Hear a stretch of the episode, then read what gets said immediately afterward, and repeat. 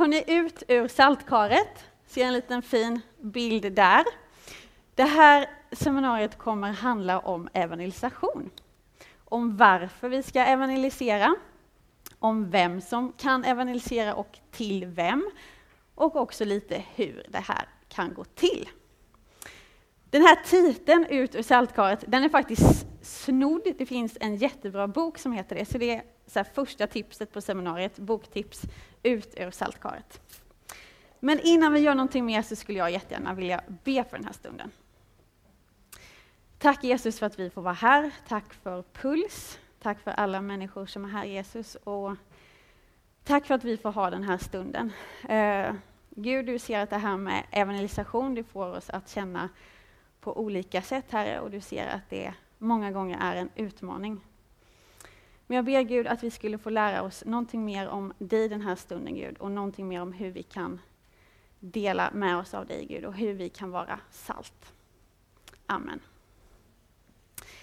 Yes, salt hörni. Jesus säger i Matteus 13 att ni är jordens salt. Och jag vet inte om ni har tänkt på att han säger jordens salt. Det är ganska intressant vad han inte säger. Han säger faktiskt inte ni är rymdens salt, eller ni är himlens salt, eller ni är församlingens salt. Utan ni är jordens salt. Alltså Jesus kallar oss till att leva i den här världen, tillsammans med honom och för honom. Och vad gör då salt för någonting? Ja, salt gör många grejer. Men en grej som salt gör, det är att det väcker törst. Jag är en sån här sillmänniska, tycker det är jättegott med sill. Har blivit en hel del sill till lunch i sommar. Och vissa dagar har jag alltså varit törstig fortfarande på kvällen, typ på natten. Man blir sjukt törstig av salt. Och Gud vill att vi ska vara människor som gör andra människor törstiga på Jesus, som säger att han är livets vatten. Okej, evangelisation, vad handlar det om egentligen? Väldigt kort och gott. Det handlar om att dela evangeliet. typ så brukar jag tänka. Evangelisation handlar om att dela evangeliet. Och då kan det vara ganska smart ju, kan man tycka, att fundera på, men vad är då evangeliet? Och det ska vi kolla lite på. Är det någon som vet vad evangelium betyder? Det är ju inte svenska från början, utan grekiska. Det glada budskapet, yes.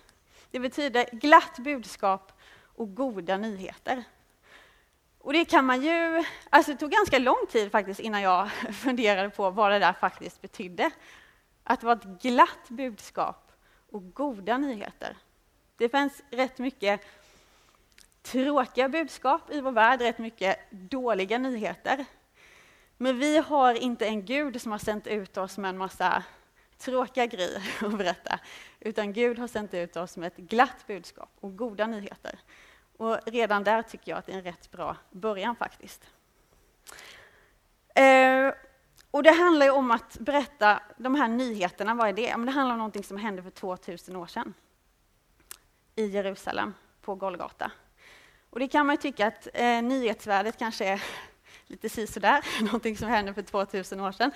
Men det som hände där, det är det största och viktigaste som har hänt någonsin i mänsklighetens historia. Och det finns fortfarande sjukt många människor som inte har hört talas om det här. Och det finns väldigt många människor som kanske har hört lite grann, men ändå missuppfattat mycket. Så det går runt en massa människor som inte vet det viktigaste och största som har hänt. Jag vet inte hur dina vänner är som inte är kristna. Mina vänner som inte är kristna de går inte att fundera jättemycket på hur de ska få kontakt med Gud. Och de går höll jag på att säga, absolut inte att fundera på hur de ska bli frälsta. Men jag vet att mina vänner och många andra funderar väldigt mycket på det här med frihet och längtar efter frihet och söker efter frihet. Och evangeliet är väldigt mycket just ett budskap om frihet, att Jesus vill befria oss. Så det är ett ganska smart sätt faktiskt att förklara evangeliet för de som inte tror. Att ta utgångspunkt i att ja, men det handlar om frihet, för då kan man mötas. Och frihet, hur då? då? Ja, för det första så erbjuder Jesus frihet från skuld. Alltså jag tror att alla människor har grejer i sitt liv som man skäms för, som man tycker är jobbigt. Som det är lite så obehagligt att tänka på. Situationer som har blivit fel, relationer som har blivit konstiga. Och när man är oförlåten så är man inte fri. När man är oförlåten så är man inte fri. Och det är rätt spännande att se de första människorna, Adam och Eva, vad som händer när de har valt att liksom vända Gud ryggen. Det de gör det är att de springer och gömmer sig. Och jag kan också springa och gömma mig när jag känner skuld. Det kanske är så att eh, det är någon människa i ett sammanhang som man inte vill träffa, så kanske man undviker det sammanhanget. Då är man inte särskilt fri. Eller så kanske man liksom inte springer och gömmer sig, men man kanske ändå i mötet med den här människan känner att man måste vända ner blicken lite, eller inte riktigt kan vara sig själv. Jesus vill befria oss från vår skuld och Jesus kan befria oss från vår skuld. För han har burit all vår skuld och konsekvenserna av den på korset. Och det är alltså möjligt att få förlåtelse. För det andra så vill Jesus befria oss från oss själva.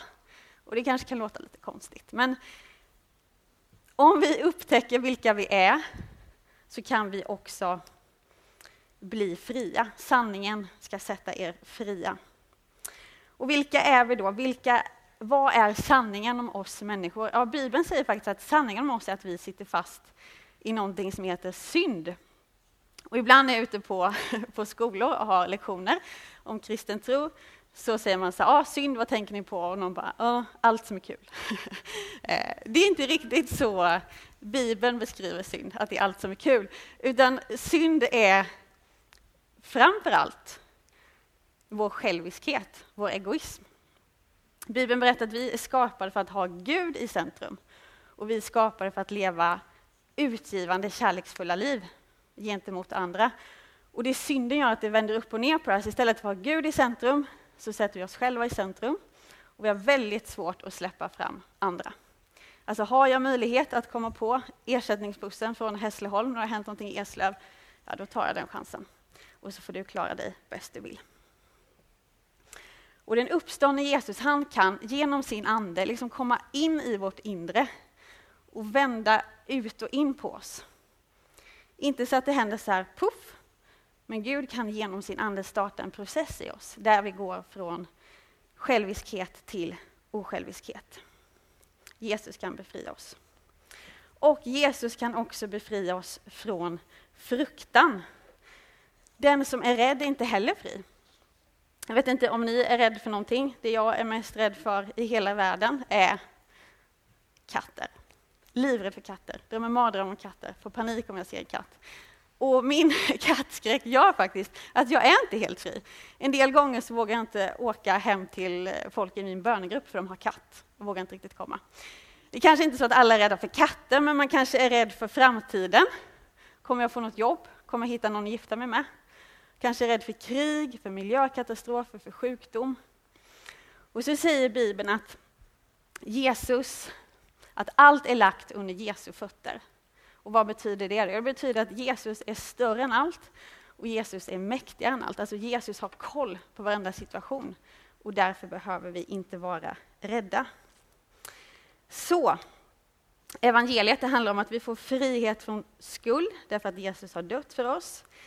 Vi får frihet från självcentrering för att vi får leva i kraften av hans uppståndelse. Och vi får frihet från fruktan därför att Jesus härskar. Gött! Och evangeliet är också ett glatt budskap därför att det är ett budskap om nåd. Eh, och jag tror att eh, det är inte så jättetydligt alla gånger. Det finns en lite skön story om att det var ett gäng såna intellektuella gubbar ni vet, i England med tweedkostym som, som röker pipa och så vidare. Och de hade en lång diskussion om, finns det någonting unikt med den kristna tron? Det funderade de på. Och de snackade timme ut och timme in och sen så bara glider C.S. Lewis in i det här samtalet och så frågar de honom, ja men du, C.S. Eh, hur är det egentligen? Finns det någonting unikt med den kristna tron? Och han då väldigt kaxigt, han bara, ja men det är lätt, det är nåden. Nåden är helt unik med den kristna tron. Och väldigt, väldigt många människor vet inte om det här. När jag träffar gymnasieelever, studenter och lärare också för den delen, så tänker sig väldigt många att den kristna tron går ut på att vara en snäll människa, att leva ett gott liv, att försöka göra sitt bästa liksom. Och på så vis bli accepterad av Gud och få komma till himlen. Men evangeliet är ju liksom raka motsatsen. Evangeliet säger att ja, men det handlar inte om vad du gör eller vad du inte gör, utan det handlar om vad Jesus har gjort. Du blir accepterad av Gud, inte på grund av någonting du har gjort, utan på grund av det som Jesus har gjort. Och jag tänker att det är en så här skön utmaning för oss att faktiskt slå hål på den här myten om att den kristna tron går ut på att försöka vara en gullig liten människa, liksom, så att eh, Gud ska bli nöjd och glad. Eh, och jag tror att vi kan utgå ifrån att människor faktiskt tänker att det här är kristendom och att vi kristna, vi har fått för oss att vi är lite bättre än resten och därför kan vi säga att ja, men, Gud gillar mig. Liksom. Det är ett budskap om nåd och det är goda nyheter. Och då tänker jag att jag vill skicka med er en liten fråga här. Ni kan få snacka i en, eh, en halv minut, nej, lite längre kanske, men två, två eller tre och tre. Och fundera på detta. Hur kan du visa på nåden för människorna i din vardag? Vi har ingen tid att spilla. Tjopp tjopp, vänd er om. Hur kan vi visa på nåden?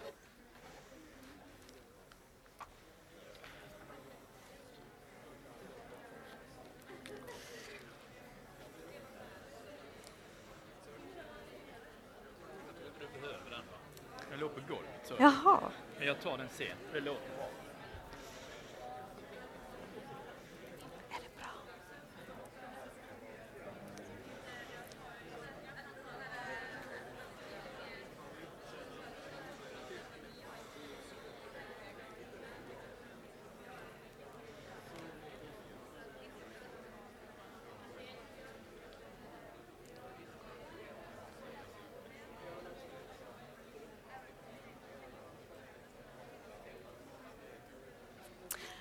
Så hörni, vi bryter där så får ni eh, fundera vidare på detta. Varför inte över kvällsmaten?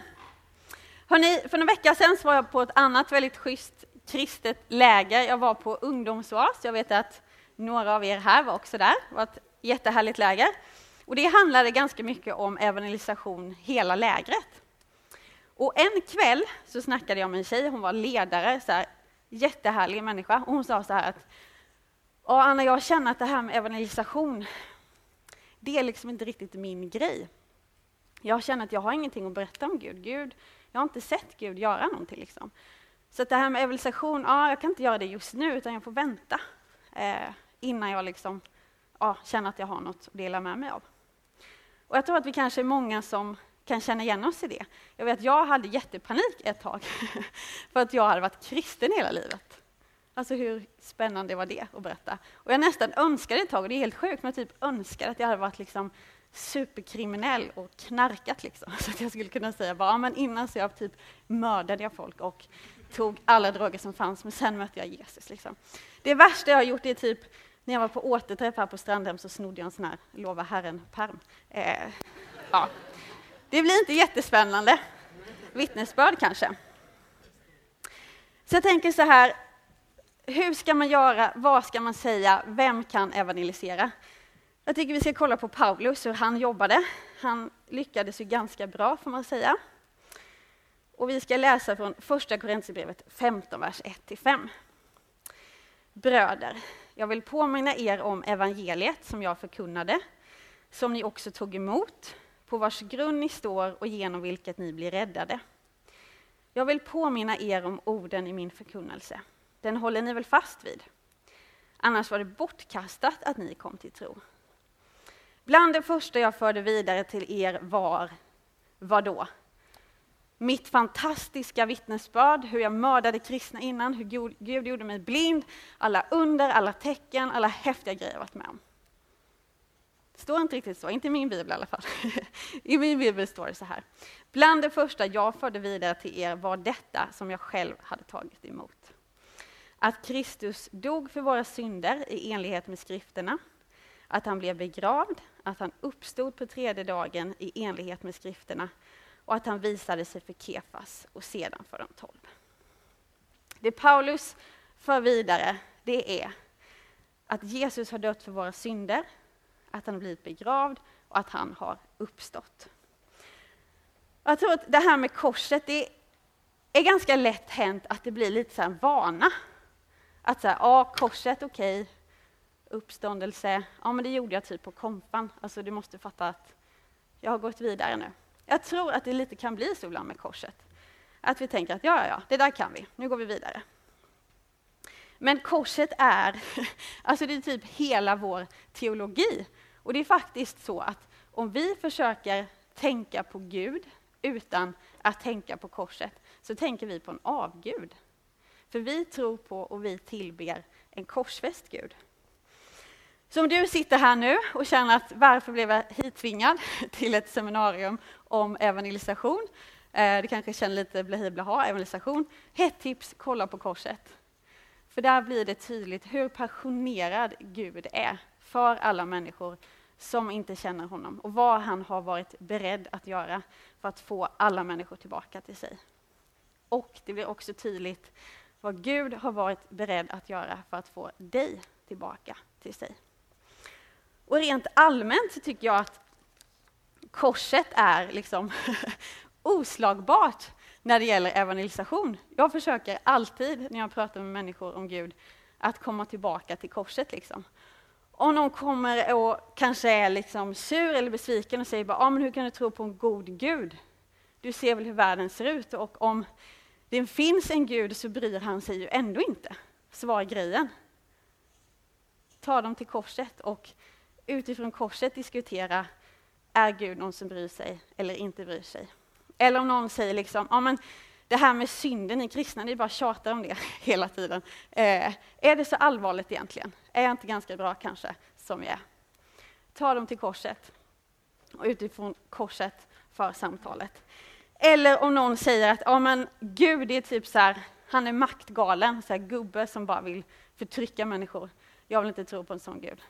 Ta dem till korset och fundera på vilken Gud det faktiskt är som möter oss där.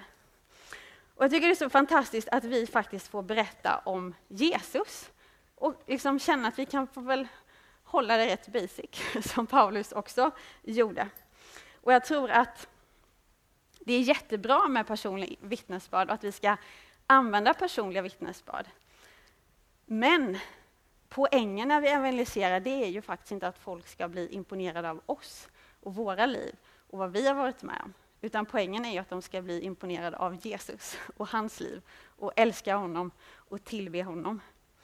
Så jag tror att vi kanske faktiskt får vara lite försiktiga med personliga vittnesbörd. Alltså vi ska använda dem, men jag har själv märkt med mig själv att jag har ibland haft så fullt upp med att berätta vad Jesus har gjort för mig, att jag har glömt att berätta vad Jesus har gjort för den här människan som jag faktiskt pratar med.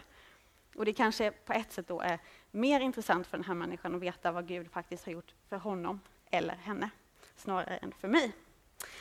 Eh, Ellis Potter, en skön gubbe, han var buddhistmunk i många, många år. Sen blev han kristen. Och han har sagt så här när det gäller personlig evangelisation. Jag tyckte det var intressant. Yes. Vi kan mycket riktigt berätta om erfarenheter, men andra kan aldrig ha samma upplevelser som vi har. Däremot kan de känna till samma sanning som vi känner till. Andra kan tänka att de inte är som du och att de ändå aldrig kommer få din tro. De kan också få intrycket av att kristendomen kan definieras som speciella upplevelser, som kanske är upplevelser som de inte önskar sig. De kan också svara att de är glada för din skull, men att de har liknande upplevelser i sin egen religion. Jag tycker det är ganska tänkvärt. Och som man säger här, det är en objektiv sanning. Alltså evangeliet står på egna, står på egna ben. Evangeliet har hänt, liksom. oavsett om du tror på det eller inte, oavsett om du har upplevt eller inte, så har evangeliet hänt. Och ta det som en uppmuntran, skulle jag vilja säga. Att det hänger inte på dig, utan evangeliet klarar sig alldeles utmärkt på egen hand. Och jag tycker det är en jätteskön vila, att jag inte behöver liksom visa upp mig och mitt liv, för jag lovar, det, det är frälsningen. Istället för bara Jesus, han är bra, titta på honom. Yes. Och sen skulle jag faktiskt också vilja säga så här, bara för att vara lite provocerande, lite sur och gnällig kanske, att om du är kristen så kan du inte säga att du inte har en bra story, att du inte har ett bra vittnesbörd. Du kan inte säga att jag har inte sett Gud göra någonting. Läxa till alla är att kolla i Efesierbrevet 2, vers 1-10. Efesierbrevet 2, vers 1-10.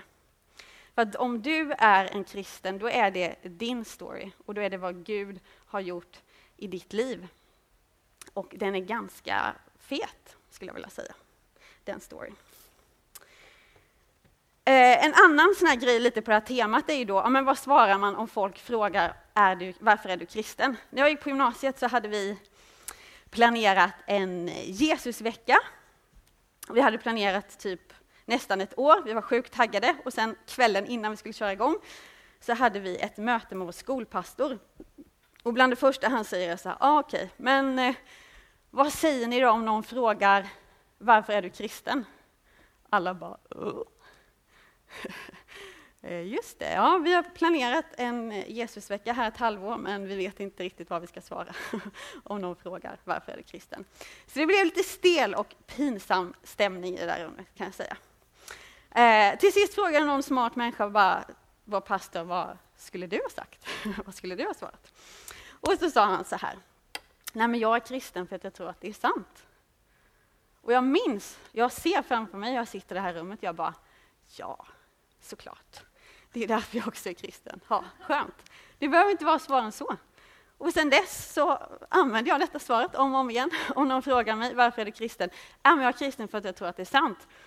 Och jag brukar också lägga till, för man kan få väldigt spännande reaktioner och samtal, att om någon hittar, om du hittar, någon annan hittar Jesus skelett, så lovar jag att då slutar jag vara kristen med en gång.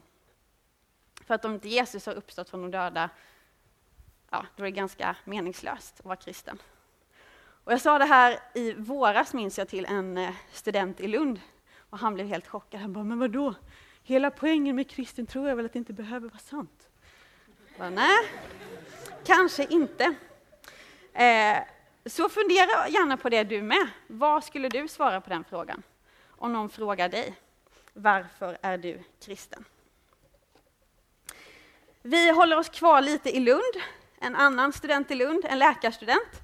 Han sa ungefär så här till mig att ja, alltså jag är ju kristen och det är klart att jag vill dela med mig av min tro till mina kursare, men de är liksom bara så här jättesmarta, sjukt snygga, lever lyckade liv, mår bra.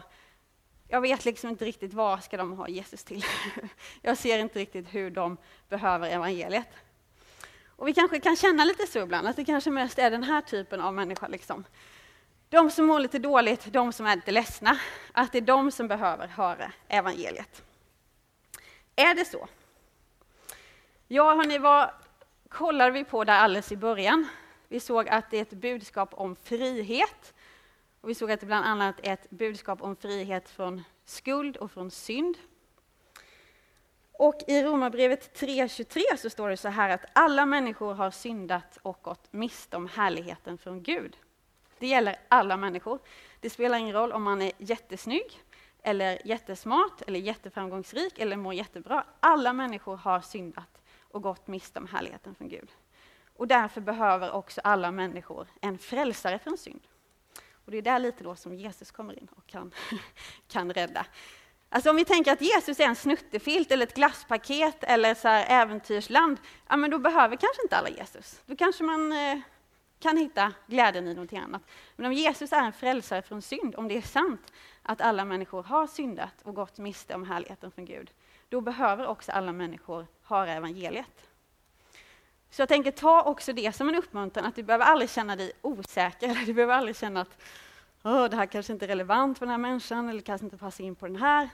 Alla människor behöver en frälsare. Alla behöver Jesus. Och det är inte bara jag som säger det här, utan jag kan ju citera Jesus då. Johannes 14 och 6. Han säger, jag är vägen, sanningen och livet och ingen kommer till Fadern utom genom mig. Jesus är helt unik. Det finns ingen annan som har gjort det han har gjort. Det finns ingen annan som har tagit på sig vår synd och vårt straff och dött vår död. Och där hörni, så tar vi en paus. Ni behöver liksom inte gå iväg, utan ni kan mer kanske ställa er lite på stället och cirkulera, snacka lite, eventuellt hoppa lite. Men ni behöver liksom inte springa iväg till Helsingborg eller så, utan ni kan vara här i närheten.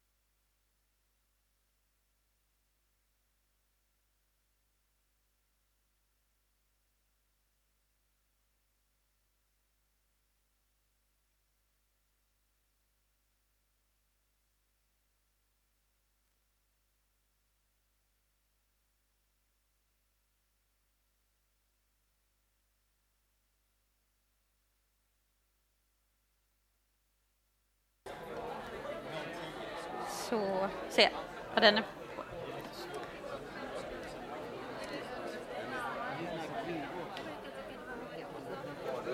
Vad är det?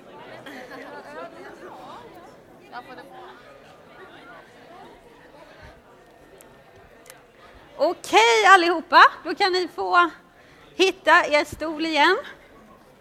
Så blir det jättebra.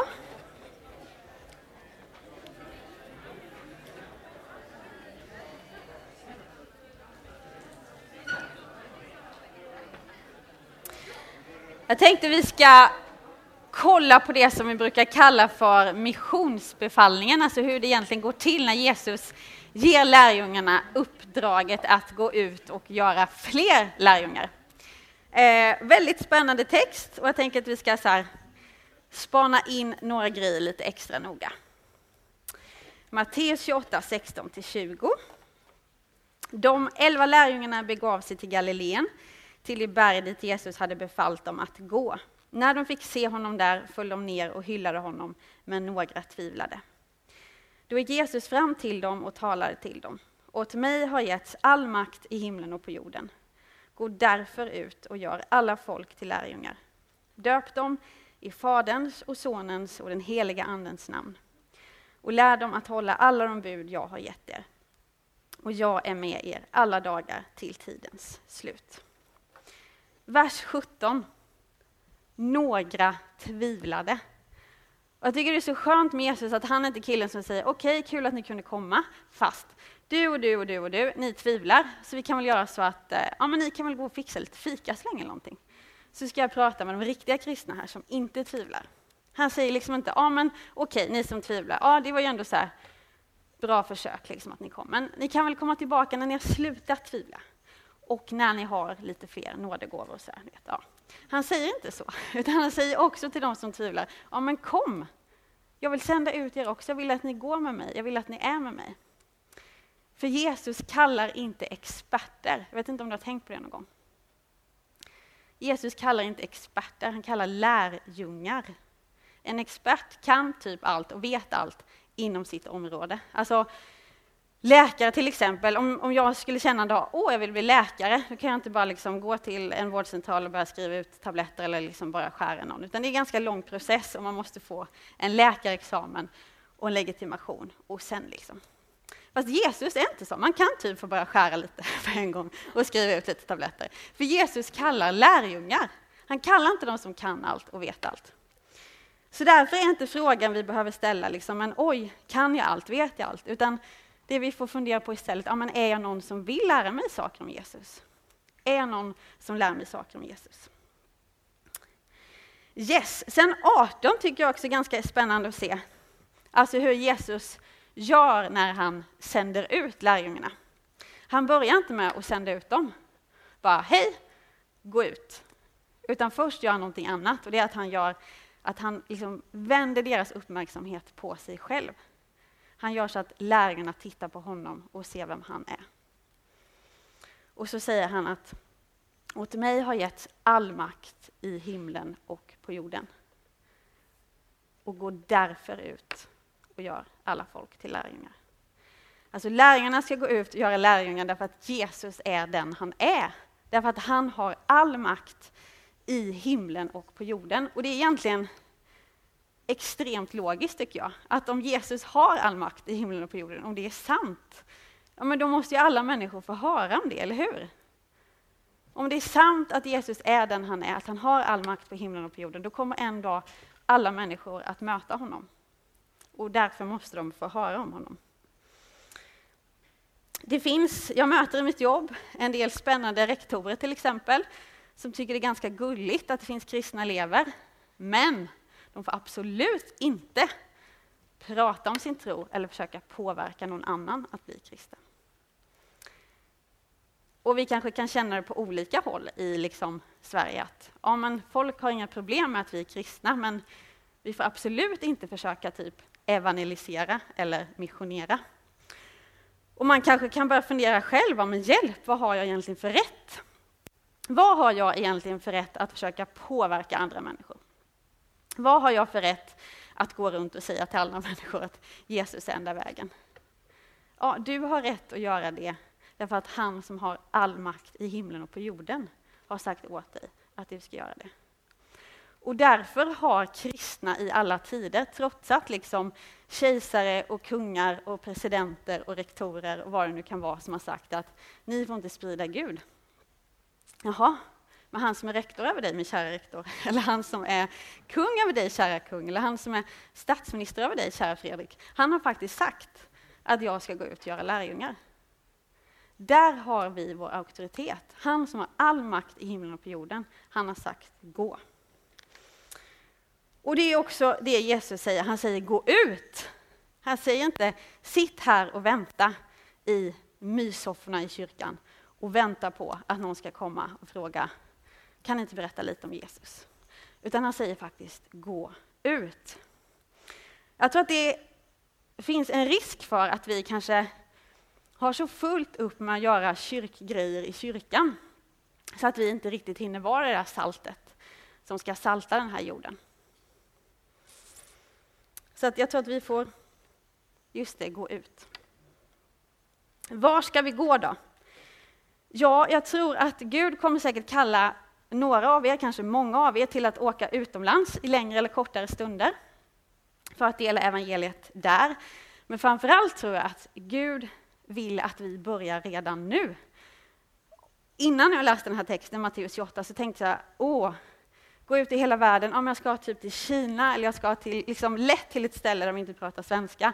De ska gärna vara lite fattiga och så ska det vara varmt. Liksom. Det är där Jesus vill ha mig. Men jag tror att Jesus vill ha oss också här och att han vill använda oss där vi redan är. Så, vänd er till varandra igen och fundera på det här.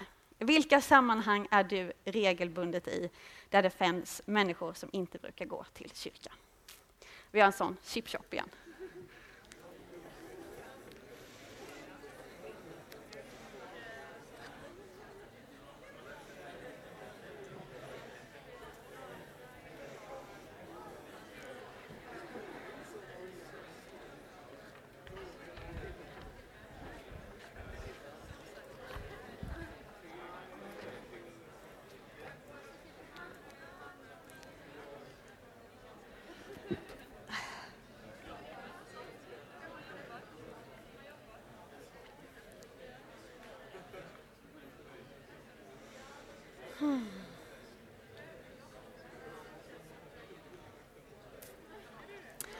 Okej hörni, vi eh, pausar samtalet där.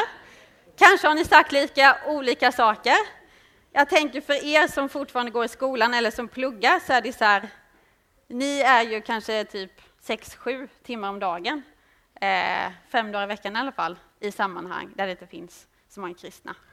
Eh, och vad det nu kan vara för ställen. Okej, okay, jag tror att Gud vill använda oss där vi är och jag tror också att Gud vill använda oss som de vi är. Jag tror att Gud vill använda dig som den du är. Och här har vi Barbie och Ken. Och jag har en bild på dem. Därför att jag tror att vi ibland blir lite så plastiga när vi ska evangelisera. Att vi antingen blir kanske lite så väldigt allvarliga och fromma, vi tycker inte någonting är kul längre, utan vi bara använder massa stora fina svåra ord. Eller så kanske vi blir lite så här, oh, vi kastar bort all vår sociala kompetens och tänker att crazy people are holy people. Eh, eller så kanske vi gör som eh, många av Credos skoltimmar gör första gången de är ute på skollektionsbesök och vi skäller ut dem varje år. De lite faktiska ser typ ljuger. När de ska ge sina vittnesbörd så säger de att åh, mitt liv är underbart. Det är så underbart att vara kristen, jag är bara så glad hela tiden.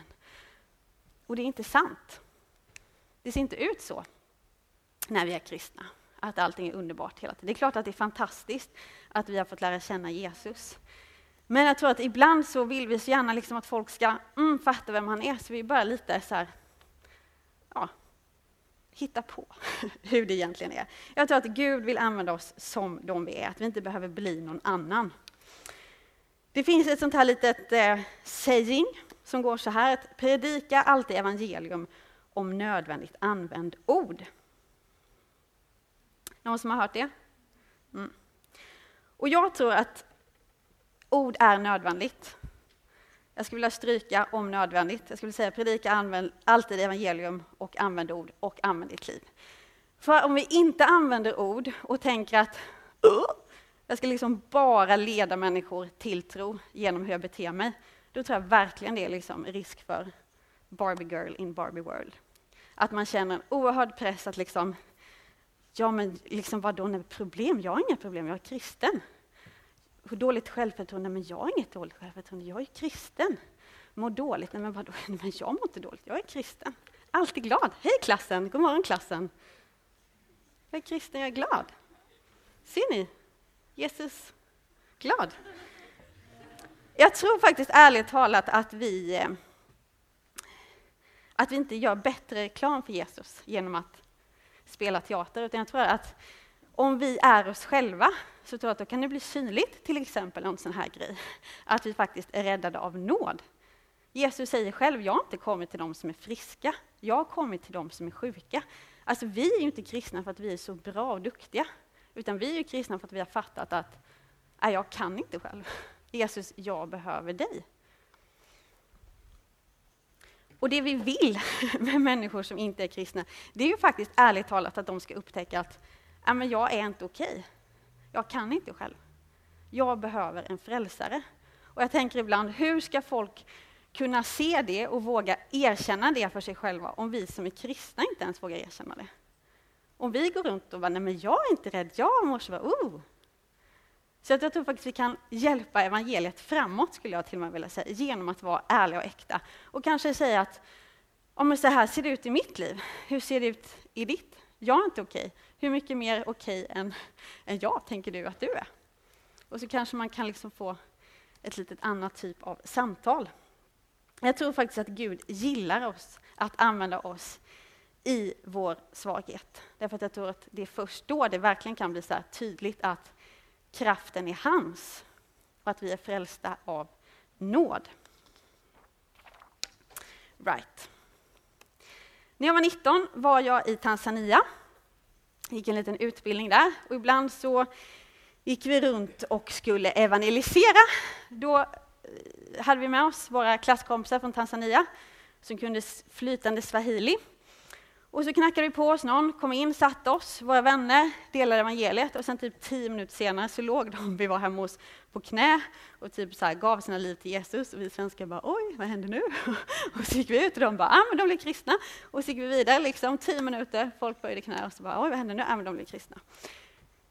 Det är inte riktigt likadant i Sverige, min upplevelse i alla fall. Utan jag tror att här behöver vi göra lite mer sånt här. Va? Alltså vi måste förbereda jorden. Jag tror att vi har en lite längre startsträcka. Vi behöver göra människor liksom nyfikna på evangeliet. Vi behöver bryta ner fördomar. Vi behöver liksom på olika sätt skapa den här törsten för evangeliet. Och nu ska vi se på fyra olika sätt som jag tror att vi kan göra detta på. Och de här fyra grejerna, det är inte så här, okej, okay, först gör vi det, sen gör vi det, sen gör vi det och sen gör vi det. Utan jag tror att alla de här fyra grejerna ska vi göra samtidigt. Och jag tror heller inte att man kan eh, kanske välja bara, ah, men jag gör bara den här, eller i den här församlingen gör vi bara det här, eller i den här skolgruppen, eller i den här studentföreningen gör vi bara det här. Utan jag tror att det är gött att göra alla grejer samtidigt. Okej. Okay. Jag tror för det första att Gud kallar oss till att vara relationella Alltså helt enkelt till att bygga vänskapsrelationer med de som inte är kristna. Innan du blev kristen, vad var du då för någonting? Du var en människa. Och eh, du är fortfarande en människa och Gud vill ha dig som en människa och du kommer alltid vara en människa. Och de som inte är kristna, de är ju också, vadå? Människor, eller hur? Ganska liksom bra läge där till att mötas. Eh, och man kanske, alltså vi kallar det till en dubbel kallelse och det är lite krångligt med Gud. Ofta gör han så här både och. Liksom. Han väljer ofta inte dikena, utan Gud är ofta väldigt balanserad. Vi kallar det till att leva heliga som Guds folk, till att leva efter Guds standard. Yes. Men samtidigt är vi kallade till att göra det här i den helt vanliga världen, i samhället. Det är mycket lättare att leva efter Guds standard och leva helig bara med andra kristna. Eller att liksom bara leva som alla andra gör. Men Gud kallar oss till att både vara heliga och att leva i den här världen. Och bästa exemplet på det här är ju, vem då? Jesus, precis. Läs din bibel, se och lär. Eh, jag brukar säga så här, gör det du tycker är kul med folk som inte är kristna. Ganska bra början, eller hur? Om du börjar en ny klass eller om du börjar ett nytt sammanhang, vi kanske inte först ska försöka hitta alla som är kristna och liksom redan så tänka att ja, jag vill bara vara med de kristna. Man kanske också kan hitta efter andra. kanske finns människor som du har samma humor som eller samma intressen som eller vad som helst. Och jag säger inte att vi inte ska ha kristna vänner, men jag tror min känsla lite är av oss kristna i Sverige idag, mig själv inräknad, att vi tycker det är ganska mysigt att bara vara med varandra. Så jag vill utmana er lite där helt enkelt. Eh, jag tror också att vi behöver bli utmanade i det här med jag-fixering. Vi har en Gud som ser allt och som känner allt. Och man kan ju fundera på, men vad ser Gud? När han tittar på dina klasskompisar eller när han ser över din stad en sen lördagnatt. Han ser kanske någon som skäms och mår apdåligt för att de har haft billigt sex. Han kanske ser någon som hänger över en toa liksom och spyr för att man har druckit för mycket. Han kanske ser någon som ligger rädd och ensam på sitt rum därför att föräldrarna är utanför och bråkar. Kanske ser någon som är helt förstörd därför att hela liksom Facebook-sidan är bara full av elaka inlägg.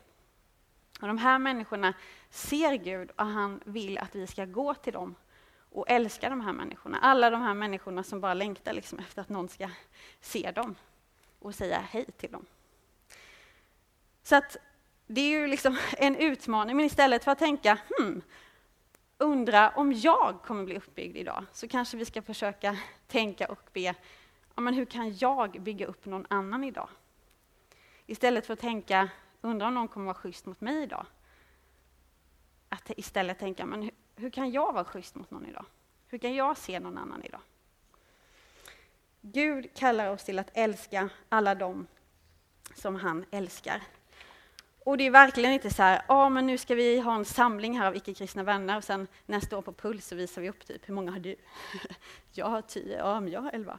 Eh, som sagt, det handlar om att vara dig själv med andra människor och bygg relationer med folk som inte är kristna. Och det är väldigt coolt därför att det betyder att de människor som inte går regelbundet till kyrkan, de kan ändå få höra evangeliet, de kan ändå få höra Jesus, om Jesus för att de känner dig. För att du faktiskt kan berätta om honom. Right. Sen tror jag också att Gud kallar oss till att vara samtalande. Och den här munnen ser lite arg ut och det är inte meningen. Jag tyckte mest den var snygg, men lite vänligare så i uttrycket. Eh, precis som, jag tror att, eller som vi är kallade till att gå ut, så tror jag också att vi är kallade till att samtala. Och jag vet inte hur ni har det, men det är typ aldrig att någon säger till mig, snälla Anna, du som är kristen, kan du inte berätta lite om Jesus? Jag är så intresserad. Jag har aldrig det. eh, när jag säger att jag är kristen så är det mer så här, åh vad gött, jag är konfirmerad. Sen händer det inte mer med det, eller bara, åh kul. Så jag tror att vi måste vara på bollen lite och själva bara prata. Själva ta upp frågan.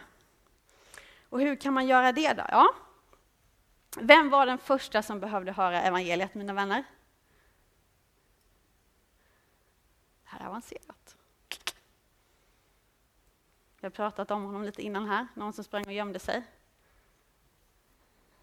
Adam, precis. Adam var den första som behövde höra evangeliet. Och vem evangeliserade för Adam? Gud, precis. Credo fanns inte på den tiden. Så att, eh, det var Gud som evangeliserade för Adam. Och det är ganska spännande att se hur han gör. För han liksom börjar inte med att ge evangeliet om den här säden som ska komma och krossa ormens huvud, ni vet. Utan vet ni vad Gud börjar med? Han börjar med att ställa en fråga. Och så säger han, var är du? Var är du? Och det är inte för att Gud inte vet, för det vet han ju, men det är för att frågor har en förmåga att hjälpa oss att se vad som finns i våra hjärtan och vad som finns i våra tankar. Och likadant med Jesus, han typ ställer frågor liksom hundra gånger i Nya Testamentet. Och ibland har han sådana här guldlägen där folk kommer fram och frågar bara, ah, vad ska jag göra för att få evigt liv? Och istället för att svara på det så ställer Jesus en fråga.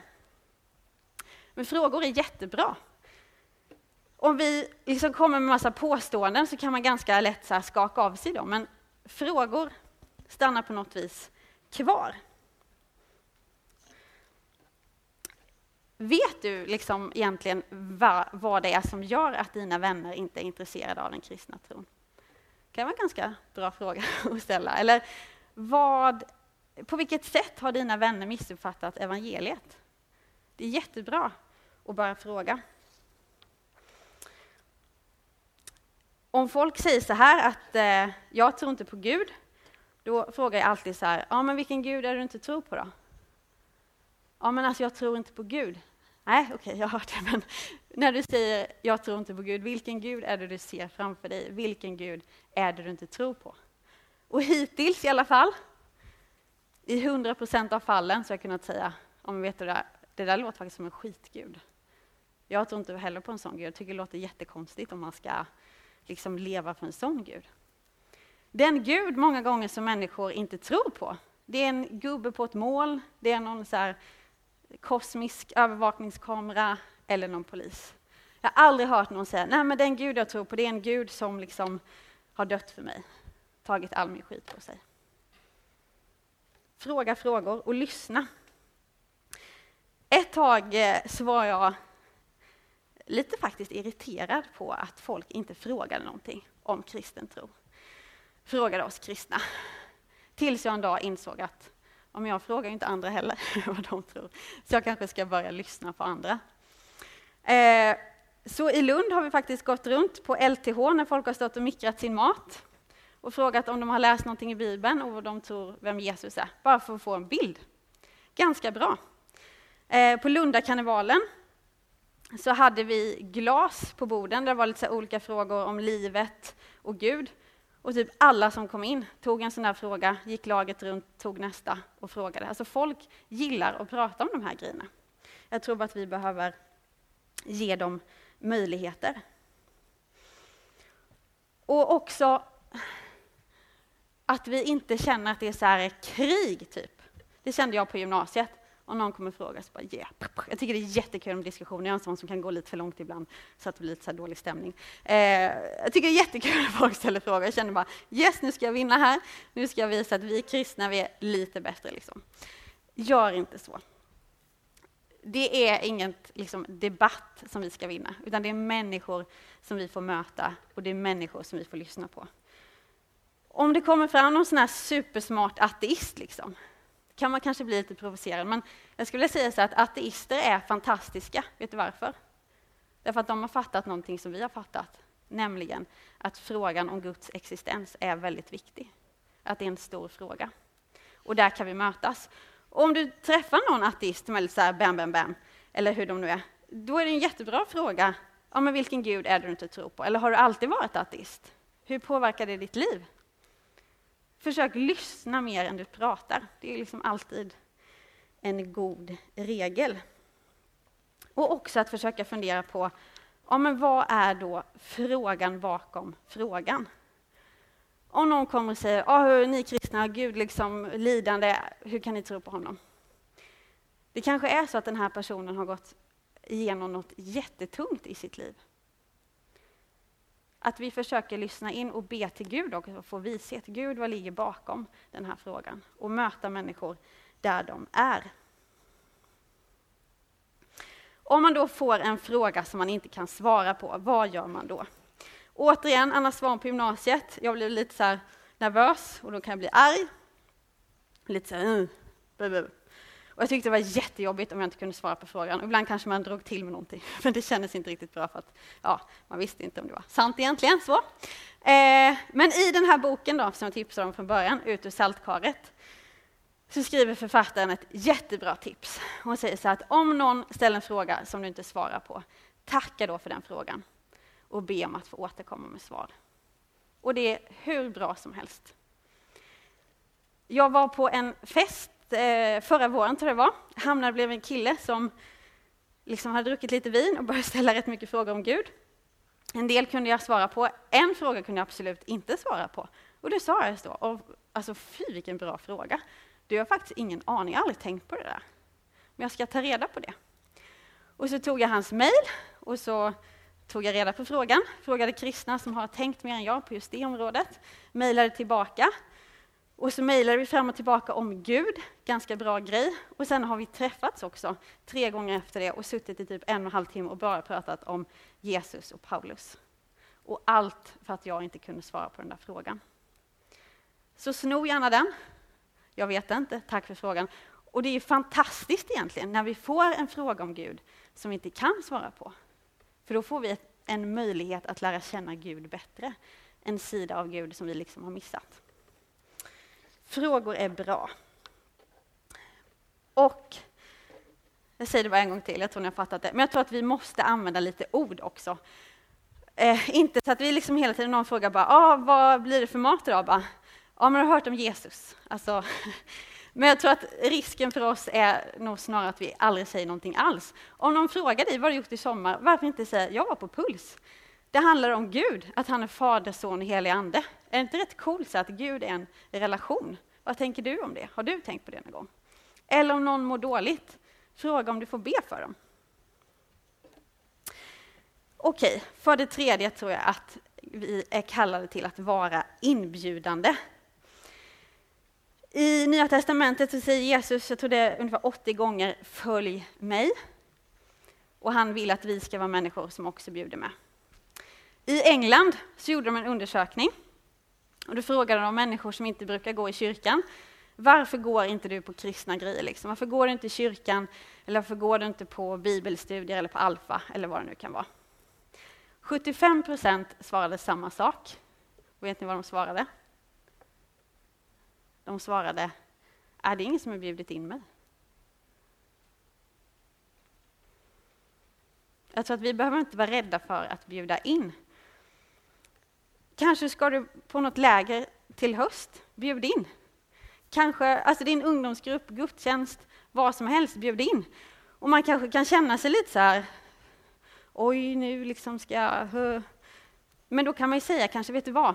Jag vill verkligen inte vara så här jobbig kristen som så här försöker pracka på dig någonting, men jag ska på ett läger som jag tror kommer bli jätte, jättebra. Skulle du vilja följa med? Jag vill bara fråga, men du är liksom verkligen fri. Jag tror inte det behöver vara svårare än så. Bjud med. Och för det fjärde så tror jag att vi behöver vara proklamerande. Jag tror det är jätteviktigt att vi bygger personliga relationer med människor. Jag tror att vi liksom behöver lyssna och prata och bjuda med. Men jag tror också att vi behöver vara proklamerande. Och det betyder liksom inte så bokstavligen ta en megafon och skrik, utan det handlar mer om att dela evangeliet med många människor samtidigt. Och det är bland annat därför, ska ni veta, på grund av det här, som jag tycker är så sjukt spännande att få jobba med kristna skolgrupper och studentföreningar. Hur många går på en skola? Liksom? Det kan ju vara allt från 400 till 2000. På ett universitet kan det vara liksom så 20 000 människor. Och det betyder att om det finns en kristen skolgrupp där, eller en kristen studentförening där, så kan 400, 1000, 2000, 20 000 människor få höra om Jesus. Bara att de finns där. Alltså det är smashläge big time, jag vill bara säga det. Det är få arbetsplatser som är så stora, man kan verkligen göra en impact. Och det sitter ett gäng här från två olika skolor som i påskas satte upp påskquiz på sina skolor. Lite så här skoja frågor om påsken, men också med så här, man fick lite utan att man märkte det, påskens budskap, och så kunde man vinna massa godis. En hel del folk svarade, en hel del folk läste. Och de gick inte i kyrkan en påsk. Jag vet inte om de visste ens varför man firade påsk, men bara för att de här skolgrupperna fanns så fick de påskens budskap. Sjukt bra. Och det här med evangelisation, är någon mer jag som kan tycka att det är rätt läskigt? Jag tycker det är läskigt. Jag är en sån här människa, jag kan gå igång rätt mycket, typ så här, åh, vi ska åka ut till en skola och ha en lektion, eller jag ska träffa någon som inte är kristen, typ min familj, eller jag ska liksom göra något så här utåtriktat. Och så är det jättekul att planera det, men sen liksom alltid två, tre, en timme innan så känner man, nej men oj, har jag inte lite ont i huvudet ändå kanske? Eh, eller kanske, nej, kanske ska tvätta. Alltså då känner jag, alltså då vill jag inte. Och jag känner mig liten och svag. Och, uh. Men alltid när jag gör de här grejerna så är det kul. och jag får kraft. Därför att den helige Ande hjälper oss inte hemma i soffan, så att säga. Han hjälper oss inte i teoretiska situationer, utan han hjälper oss i praktiska situationer. Så våga gå ut, våga lämna den här bekvämlighetszonen. Och Jesus säger inte till sina lärjungar liksom i slutet av missionsbefallningen att okej, okay, tada, lycka till. Jag kommer sitta här i himlen och se liksom när ni försöker prata med ateister och skämma ut er. Utan han säger, jag är med er alla dagar. Jesus är med oss. Och det, jag tror att det kommer alltid vara läskigt med evangelisation. Därför att vi är beroende av Gud. Och om vi sitter och väntar på en så vattentät plan, fem steg till att få någon kristen, alltså då kommer vi aldrig sätta igång. Vi har inga garantier. Utan jag tror att evangelisation kräver faktiskt vårt arbete, att vi måste engagera oss, att vi måste be, att vi måste söka Gud, att vi måste tänka, att vi måste vara kreativa.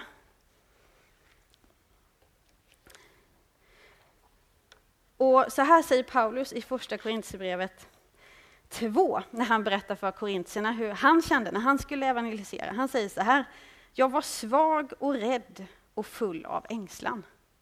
Paulus säger så här om hur han kände när han evangeliserade. Jag var svag och rädd och full av ängslan. Men så säger han, mitt tal och min förkunnelse övertygade inte med vishet, utan bevisades med ande och kraft. Er tro skulle inte vila på mänsklig vishet, utan på Guds kraft. Jesus är med oss, och det är Guds ande som rör vid människors hjärtan. Och för mig var det så här jättegrej när jag fattade det att aha, det är inte jag som ska försöka liksom beröra människor i hjärtat. Det är inte jag som behöver få människor att känna någonting. Det är inte jag som liksom ska få folk att fatta att aha, Jesus stod för mig. Utan det är Guds ande som gör alla de grejerna. Och det betyder att när man evangeliserar så kan man vara oerhört bara chillaxed. För det handlar ändå inte om mig och jag behöver inte uh, försöka krampa fram någonting. Utan man kan vara väldigt bara avslappnad och glad och trevlig. Och så lita på att när vi berättar om Jesus så är Guds ande där och rör vid människor. Och jag hade önskat att jag kunde säga att ja, men det som väntar det är liksom succé. Det är inte det. Varför var Paulus rädd här? Men han vet, visste att folk skulle bli arga. Alltså det var massa saker han skulle säga som folk skulle bli arga för. Typ, det finns bara en Gud. En sån sak. Eller typ att Gud har åsikter om hur vi lever våra liv. Eh, folk kommer liksom inte ställa sig kanske och, och applådera som en sån här smörig Hollywoodfilm när du eh, evangeliserar. Eh, men det är inte heller därför vi gör det. För att vi ska få en massa cred. Utan vi gör det för att människor behöver höra om Jesus. Och vi får också lita på att när vi sår ut Guds ord så bär det faktiskt frukt. Så var avslappnad. Jesus är med och det är Guds ande som ska göra jobbet.